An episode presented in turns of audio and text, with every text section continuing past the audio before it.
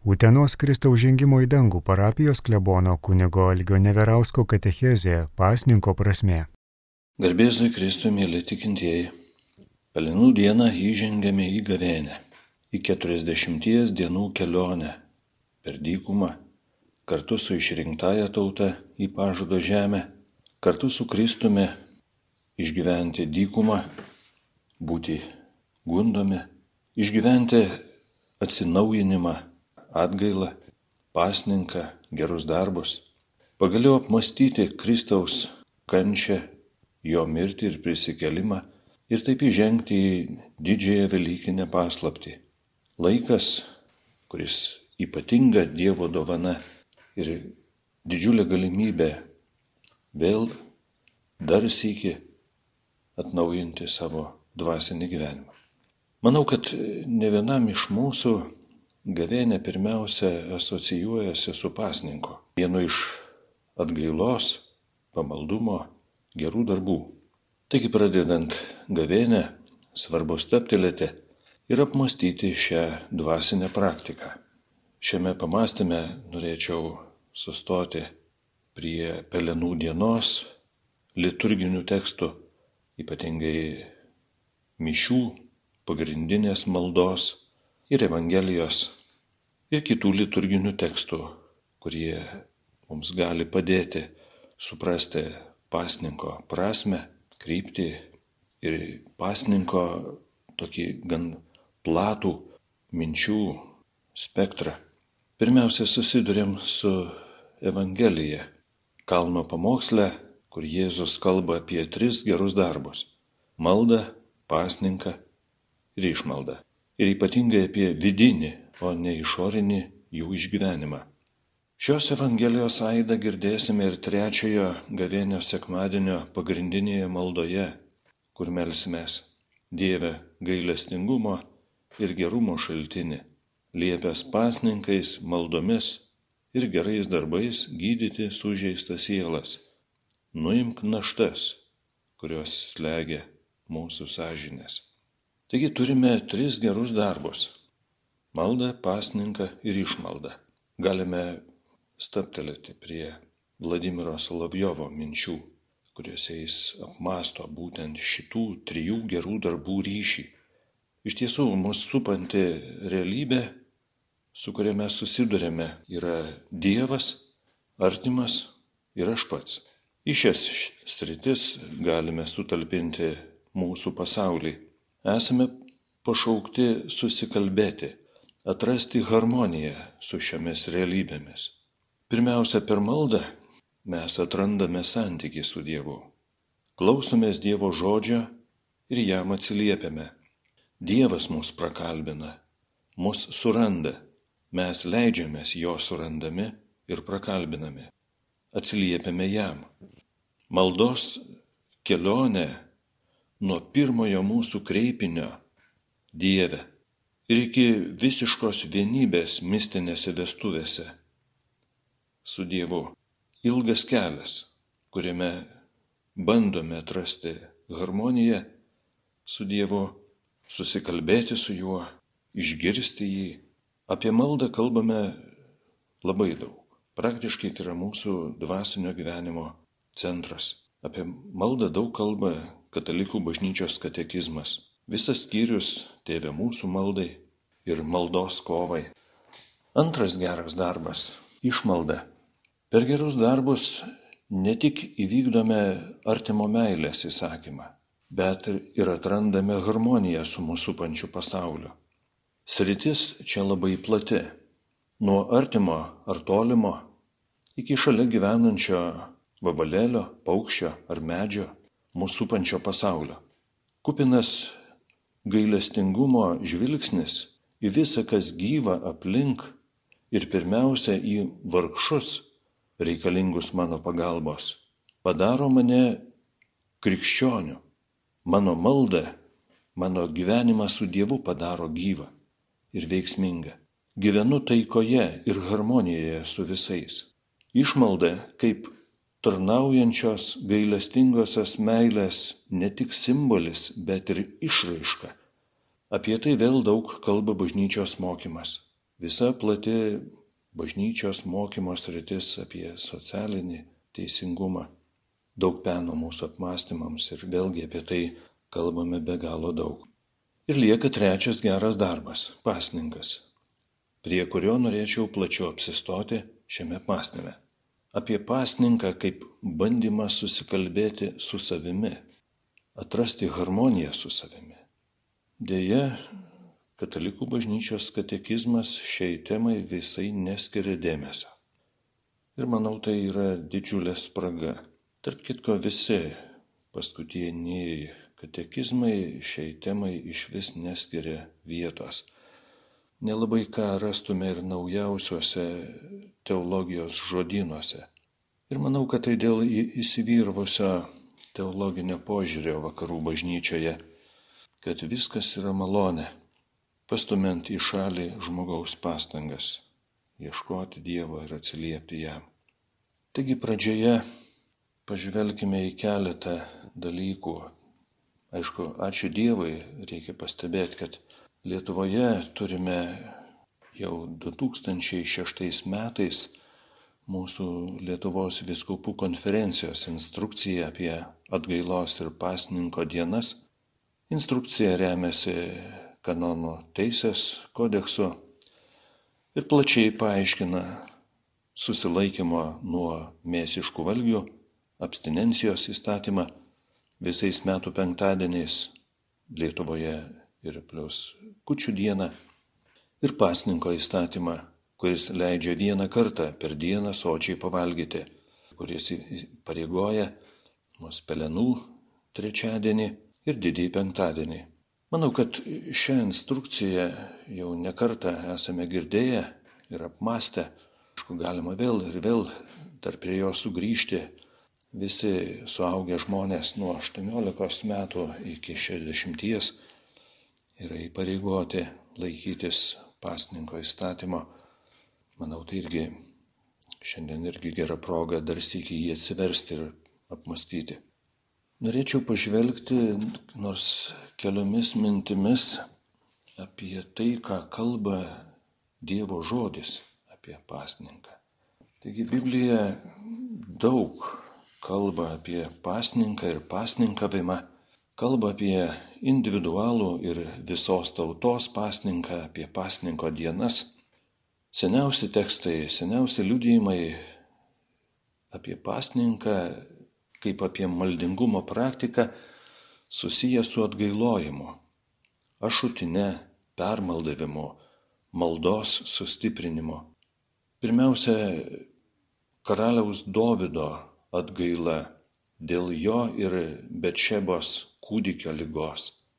Taip pat karaliaus Ahabo atgaila po to, kai pranašas Elijas paskelbė jam Dievo bausmę dėl Naboto nužudimo. Žinome, kaip Dievas prabyla Elyjui, sakydamas, žiūrėk, kaip Ahabas nusižemino. Taip pat gerai žinome ir Ninivės gyventojų atgailą po pranašo Jonos pamokslų. Pasninkas, atgaila, atsivertimas, aš, ašutinė, pelenai, ką netgi pats karalius įsako visai tautai, žinome vaisius Dievas išgirsta ir pasigaili. Tauta permaldauja viešpatį. Karalienės Esteros istorijoje visa tauta pasninkauja ir maldauja viešpatį išgelbėti iš klastos. Čia pasninkas tarnauja sustiprinti maldai. Ir tokių pasninkų sujungtų su malda labai daug, ypatingai vėlyvajame Makabėjų laikotarpyje prašant dieviškojo gailestingumo ir išgelbėjimo. Panašia mintimi ir pranašo Joelio knygoje taip pat susidurėme skerių nelaimę ir tauta yra kviečiama atgailoti ir pasninkauti.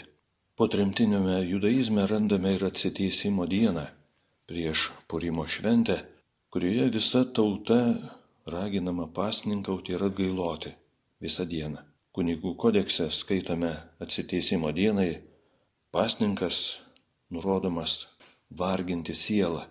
Labai svarbus pranašo Izaijo tekstas po tremtiniai tautai. Ir čia pranašas ragina pasninką susijęti su teisingumo atstatymu, su teisingu atlygiu, su išlaisvinimu, taigi su teisingumu.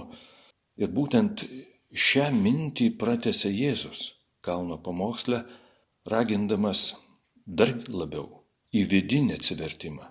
Dievas žiūri ne į išorinius veiksmus, bet į širdies nusistatymą. Taip pat surandame Jėzaus žodžius apie pasninką tada, kai jaunikis bus atimtas iš jo mokinių. Ir būtent manau, kad ši mintis davė pradžią krikščionių prieš Velykiniam pasninkui. Apskritai pirmieji krikščionys perėmė žydų religinę praktiką pasninkauti du kartus per savaitę. Dar viena svarbi mintis ankstyvojoje bažnyčioje - pasninkauti prieš svarbius sprendimus. Žinome, kaip mokiniai Antijochijoje pasninkauja ir veda pamaldas. Ir būtent čia šventoji dvasia pakviečia apaštalą Paulių ir Barnabą į pirmąją paštalinę kelionę. Ir šioje kelionėje su maldu ir, malda ir pasninku uždėdami rankas jie paskyrė vyresniuosius. Taip skaitome paštalų darbų knygoje. Taigi pasninkas čia irgi suprantamas vėl tokia kaip susikaupimo, pasirengimo svarbiam sprendimui, kad tame būtų ir Dievo dvasia, kad tame dalyvautų ir Dievas pasninko prasme. O dabar keliaukime toliau prie paštolo Pauliaus laiškų, kuriuose jis dar labiau išryškina žmogaus tą dvilipumą, chaosą gyvenantį mumise. Ir čia jau galime kalbėti apie pasninką kaip apie priemonę susikalbėti su savimi, save sutramdyti. Pasiklausykime apaštalo Pauliaus dejonę laiškė romiečiams septintajame skyriuje. Aš žinau, kad manyje, tai yra mano kūne, negyvena gėris. Mat aš sugebu gero trokšti, o padaryti ne. Aš nedarau gėrio, kurio trokštų, o darau blogį, kurio nenoriu. O jeigu darau, ko nenoriu, tada nebe aš tai įvykdau, bet manyje gyvenanti nuodėme. Taigi aš randu tokį įstatymą, kad kai trokštų padaryti gerą, prie manęs prilimpa blogą. Juk kaip vidinis žmogus aš žaviuosi Dievo įstatymu. Deja savo kūno nariuose jaučiu kitą įstatymą, kovojantį su mano proto įstatymu. Jis paverčia mane belaisvę nuodėmės įstatymo, blūdinčio mano nariuose. Vargšas aš žmogus. Kas mane išvaduos iš šito mirtingo kūno? Dar kitoje vietoje, laiškė korintiečiams, paštalas Paulius sako, Aš tramdau savo kūną ir darau jį klusnu, kad kitus mokydamas pats netapčiau atmestinas. Ir ko gero dar į tą pačią temą laiškė Galatams, penktame skyriuje Paulius išvardyje kūno darbus ir dvasios darbus.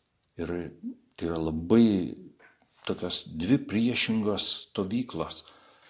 Kūno darbai gerai žinomi Tai ištvirkavimas, netirumas, gašlavimas, stabmeldystė, burtininkavimas, priešiškumas, nesantaika, paviduliavimas, piktumai, vaidai, nesutarimai, susiskaldimai, pavydai, girtavimai, apsirimai ir panašus dalykai.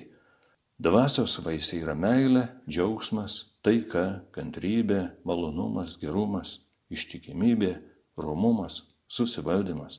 Taigi Šiuose apaštalo Pauliaus žodžiuose mes matome didžiulę disharmoniją žmoguje. Aš manau, kad Paulius čia labai gerai sako tai, ką jaučiame kiekvienas, su kuo susidurėme kiekvienas, to nuodėmės įstatymo ir negebėjimo jam pasipriešinti. Susidurėme su didžiulė disharmonija gyvenančia mumise. Ir kągi galim padaryti, kad va tą chaosą, kurį į mūsų prigimtį įnešė nuodėmė, mes galėtume sutramdyti. Netgi žinome vieną iš bažnyčios maldų, kurioje melžiamės sutramdyk viešpatie mumise nuodėmės valdžią. Yra tokie, tokie žodžiai vienoje iš mišių maldų. Taigi dabar ir pabandykim pažvelgti ir išgirsti Pelenų dienos pradžios maldą, ko meldžia bažnyčia pradėdama gavėnios kelionę. Suteik mums viešpatie paramos krikščionišką gyvenimo kovą pradėti šventų pasninko, kad susitvardymas padarytų mus tvirtus, grumtis su piktojo pagundomis. Prašome paramos mūsų krikščioniškoje gyvenimo kovoje. Labai svarbu tai, kad mes pirmiausia nesame vieni. Viešpats kovoja mūsų kovas kartu. Mums reikia pasitikėjimo juo, bet tai nereiškia, kad mes liekame nuo šalyje tik stebėtojai. Mes esame tas kovos laukas. Mūsų siela, mūsų gyvenimas. Taigi mes prašome Dievo paramos šitoje gyvenimo kovoje. Ir suprantame, kad būtent susitvardymas, ne kas kitas, bet susitvardymas mus padarys tvirtus šiuose grumtynėse, grumtynėse su piktojo pagundomis. Taigi susidurime su piktuoju, kuris veikia pasaulyje ir mumise. Susidurime su kova su juo ir bandymais, su būtinybė būti tvirtais šioje kovoje. Čia galbūt verta ir prisiminti ir Siracido knygos žodžius, kuris sako, mano vaikė, jei nori tarnauti viešpačiai, būk pasiruošęs bandymui. Taigi sekame, bandome sekti viešpačiu, taigi ir bandymai, išbandymai neatskiriama mūsų gyvenimo dalis. Taigi susidurėme su savitvarda, savikontrolė ir valios jėga. Dalykai, kurie sunkiausiai gyvendindami dvasinėme gyvenime. O be valios neįmanoma pradėti net melstis ir kalbėti apie maldos kovą, tuo labiau. Be valios neįmanoma atsisakyti egoizmo ir atsigręžti į artimą. Žinome posakį, kad gerais norais ir pragaras grįstas. Manau, kad pasninkas, kokį mes dažniausiai praktikuojame, vadiname abstinenciją nuo mėsos, tai yra tik pirmas mažas žingsnis šioje kelionėje ir kovoje. Ir tai, reikia pripažinti, dažnam gan sunkus žingsnis. Ką be kalbėti apie minčių suvaldymą, kuris daugeliui atrodo neįveikiamas kalnas, bet manau įmanomas. Ir būtent šita kelionė į savikontrolę prasideda nuo paprasčiausio, nuo lengviausio žingsnio būtent nuo gomurio ir pilvo kontrolės. Atsikelti nuo stalo nepavalgius iki soties nėra sunku. Jau nekalbu apie smaližiavimą, smaguriavimą ar mėgavimąsi maistu. Ne vienam iš mūsų kulinarija tapo kultu ir malonumo šaltiniu. Šioje vietoje ko gero tinka tas posakis, kad Dievas sukūrė maistą, o velnas kulinariją. O juk maitinamės, kad turėtume jėgų, o ne priešingai. Taigi minčių kontrolė yra sunkiausiai pasiekiamas dalykas. Bet ko gero svarbiausias. Mintis yra galinga jėga, kuri tampa žodžiu ir veiksmu. Galinčia tapti ir kurti ir greuti, gelbėti ir žudyti. Nuo minties prasideda mūsų, visi mūsų veiksmai. Esame patyrę, kaip sunku nuraminti pykčio ir apmaudo mintis, įsisiautėjusias emocijas. Daugybė kiviršų ir barnių kyla dėl to, kad nepajėgėme sustoti. Daugybė šeimų sugriūva dėl elementaraus nesivaldymo. Čia jau galime kalbėti apie visas daugybę įdų, kurios tiesiog gimsta nepastebimai vien todėl, kad neįjungiame laiku valios, nesustojame, kad čia jau griūties pradžia. Pagaliau visos septynios didžiosios nuodėmės tampa savigriovos keliais, todėl kad nepajėgėme kovoti su mintimis, kuriuose gimsta puikybė ir pavydas, gašlumas ir tingumas ir visos kitos įdos. Taigi tampame tuo, ką mastome. Gyvename taip, kaip mastome. Kur mus nuveda mūsų mintis. Klaidinga galvoti, kad mes mastome tai, ką norime. Dažniausiai mintis mus vedžioja ten, kur visiškai nereikia. Čia galime suprasti, kad mūsų protas, mūsų mintys neklauso mūsų širdies, mūsų vidinio aš, mūsų dvasios. Tai kaip klausys mūsų pojūčiai - akis, ausis, lūpos, gomurys, geismas ir visi mūsų instinktai. Jie tiesiog palaipsniui įsiviešpatauja mūsų gyvenime. Gavėnė yra gera proga atnaujinti šią kovą su greunančiomis ir naikinančiomis aistromis. Dėl to ir melžiamės pradžioje, pradžios maldoje, paramos prašydami šioje kovoje. Dėl Dievo ir dėl savęs ši kova. Dėl Dievo, kad taptume jo įrankiais pasaulyje. Ir dėl savęs, kad netaptume vergais. Savitvardos ūkdymas yra ne tik moralinis dalykas, bet pirmiausia investicija. Už tai čia kalbėti apie savitvardą, apie valios ūkdymą jauniems žmonėms, bet aš manau ir kiekvienam žmogui niekada nėra vėlu. Ir ko gero didžiulė spraga mūsų ūkdymo sistemoje. Mes galime išugdyti daug žinančius, daug išmanančius, bet visiškai bevalios žmonės, kurie čia pat gali nueiti savigriovos keliu. Aplink save matome daug sugriuvusių gyvenimų, vien dėl valios ir savikontrolės nebuvimo. Bet kartu galime matyti ir netgi gerėtis daugybės sportininkų ar menininkų valios pastangomis siekiant savo tikslo Deja, nesant religinio matmens, nesvarbu, kas tai būtų, ar dietos, badavimai, treniruotės, visa tai tampa nukreipta į save, tampa tam tikra egoizmo forma dėl savęs, dėl grožio, dėl vartojimo. Ir čia tikslas esu aš pats. Krikščioniškas pasninkas turi aukštesnį matmenį, kuris veda link Dievo, kaip vėliau matysime. Tik ką galime padaryti? kam įsipareigoti, kad po gavėnios galėtume pajusti kažką nuveikę. Net ir čia reikia išsivaduoti iš proto vangumo ir pasiryšti. Pasiryžus nebūti vienos dienos didveriu, bet kantriai keliauti toliau, bandyti dar ir dar kartą. Ir tose pastangose spektras yra labai platus, mūsų pastangų spektras.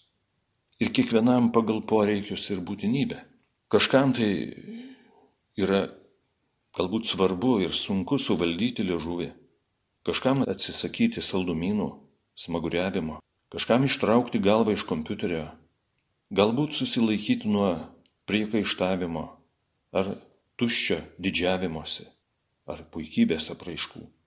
Kažkam gali būti svarbu ir sunku apsaugoti savo akis nuo bereikalingų vaizdinių ar kompiuterinių žaidimų. Jau nekalbu apie įdas, apkalbėjimą, nepasitenkinimą viskuo, kas yra aplink, pagaliau alkoholį ar visas kitas priklausomybės. Manau, jeigu būsime nuoširdus su savimi, kiekvienas atrasime savyje silpnų vietų, įdų, kurioms įveikti galime vėl įsipareigoti iš naujo, dar ir dar kartą. Ir niekada nebus per daug, nes tikslas yra be galo geras.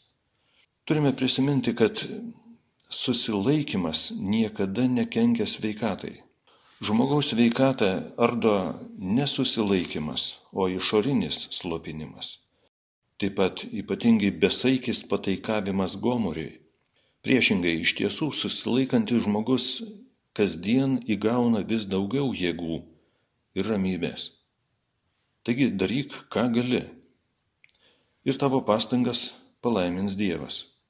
Kągi sako apaštalas Paulius po šių žodžių, vargšas ar žmogus, kas mane išvaduos iš šito mirtingo kūno. Jis sako, bet ačiū Dievui per mūsų viešpatį Jėzų Kristų. Taigi čia vėl mes galime sugrįžti prie tos minties, kad šitoje kovoje mes nesame vieni kad Dievas yra šalia Jis išlaisvina, jis gelbi. Jis pats suinteresuotas, kad mes šią kovą laimėtume. Šioje vietoje, kalbėdamas apie pasninką, norėčiau pacituoti dar vieną bažnyčios maldą. Tokiu būdu iškelti dar vieną pasninko dimensiją, kad nepasiliktume vien tik tai žmogiškame ligmenyje, kuris uždarytų mus savyje. Pažvelk viešpatie į savoją šeimą ir kūno savitvardos nuskaidrintai mūsų dvasiai, įkvėp gyvą tavęs pasilgimą. Va štai tokia malda. Ir jį puikiai papildo mūsų apmąstymus. Iš čia galime suprasti, kad savitvarda nuskaidrina mūsų dvasę ir žadina Dievo ilgesį. Ko gero mes esame patyrę, kad pasnikaudami mes pasijuntame silpnesni, labiau pažeidžiami, labiau jautresni ir dar labiau reikalingi Dievo. Bet argi ne to mums visiems trūksta? O to tikro Dievo ilgesio. Taigi galime suprasti, kad pasninkas yra didžiulė Dievo dovana. Šiame vis labiau hedonizmo liūnės kestančiame pasaulyje savikontrolė tampa vis labiau reikalinga valiuta. Ir aš manau, kad pastangų niekada nebus per daug niekada nebus per daug bandymų dar ir dar sykį įveikti. Ir jau kitais metais galėsim keliauti toliau. Manau, kad negalima po vieną kažkokią tai įdą įveikti, bet turime ugdyti savo valią ir savikontrolę visose srityse pradedant gomuriu, baigiant savo mintimis. Taigi turime laiką, kurį mums duoda Dievas, gavėnios laiką. Ir noriu linkėti, kad tikrai šitą gavėnę būtų geras laikas. Taigi, geros kelionės per dykumą, mėly tikintieji. Girdėjote Utenos Kristaus žengimo į dangų parapijos klebono kunigo Algio Neverausko katechezę pasninko prasme.